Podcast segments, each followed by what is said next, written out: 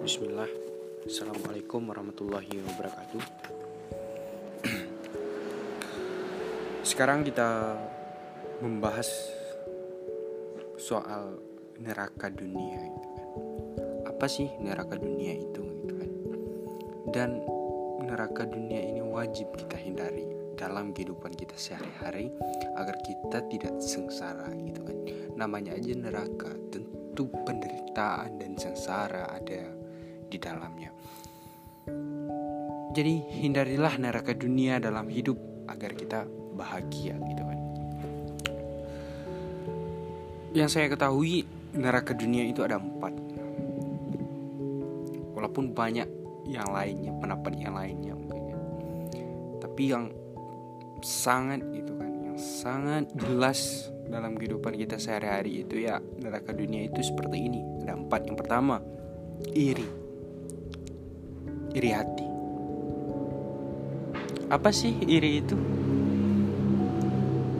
Gini, yang dimaksudkan iri itu diri kita itu merasa kalah pada orang lain gitu, merasa bawah dari orang lain.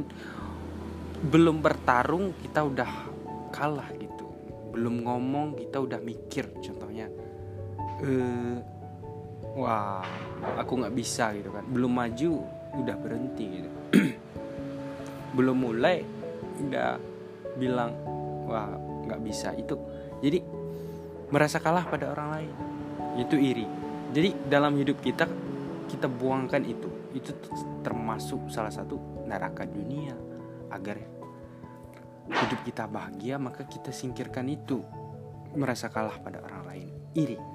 Yang kedua sombong. Ini nih sombong merasa menang dari orang lain. Merasa menang yang dimaksudkan di sini itu apabila kita contohnya berdebat gitu kan kayak mahasiswa itu. Nah, apabila argumen kita eh, kita mempunyai landasan yang jelas gitu kan, sedangkan kawan kita tidak ya kita merasa menang gitu dari orang lain. Padahal tidak perlu juga kayak gitu kan kan berdebat itu uh, ujungnya itu mencari kebenaran gitu. Untuk apa merasa menang atau apa gitu. Kalau selain dari mencari kebenaran kalau berdebat itu itu salah itu. Jadi yang pertama iri yang kedua sombong. Yang ketiga ini nih. Kecewa dengan yang sudah terjadi.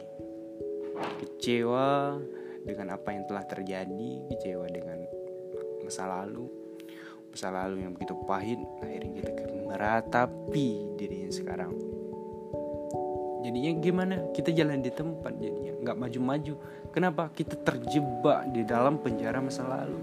Kita terjebak di ranah di sana. Contohnya gini.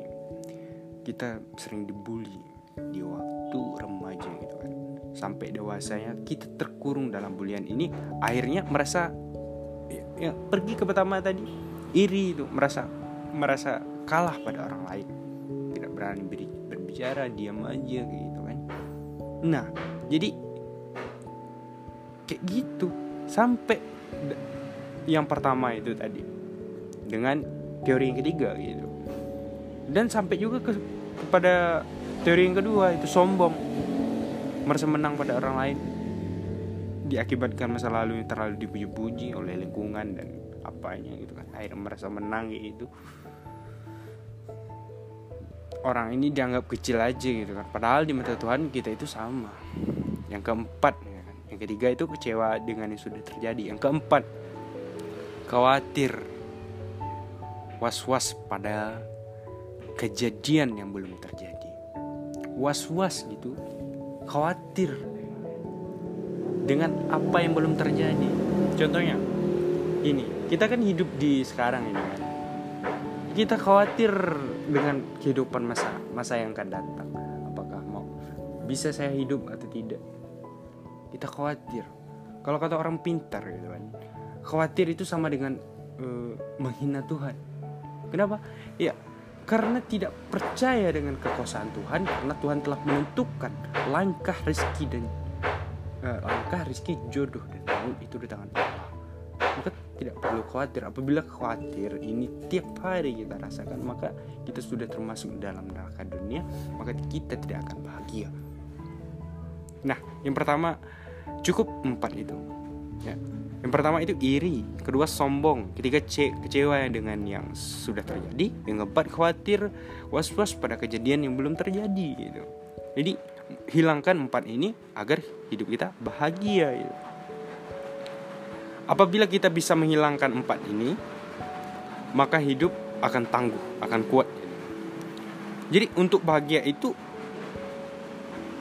yang paling penting kenali diri, pahami keinginan, buang yang tidak penting. Jadi kita tidak akan ditipu oleh topeng panggung sandiwara dunia ini. Itu dari, dari saya. Sekian terima kasih. Assalamualaikum warahmatullahi wabarakatuh.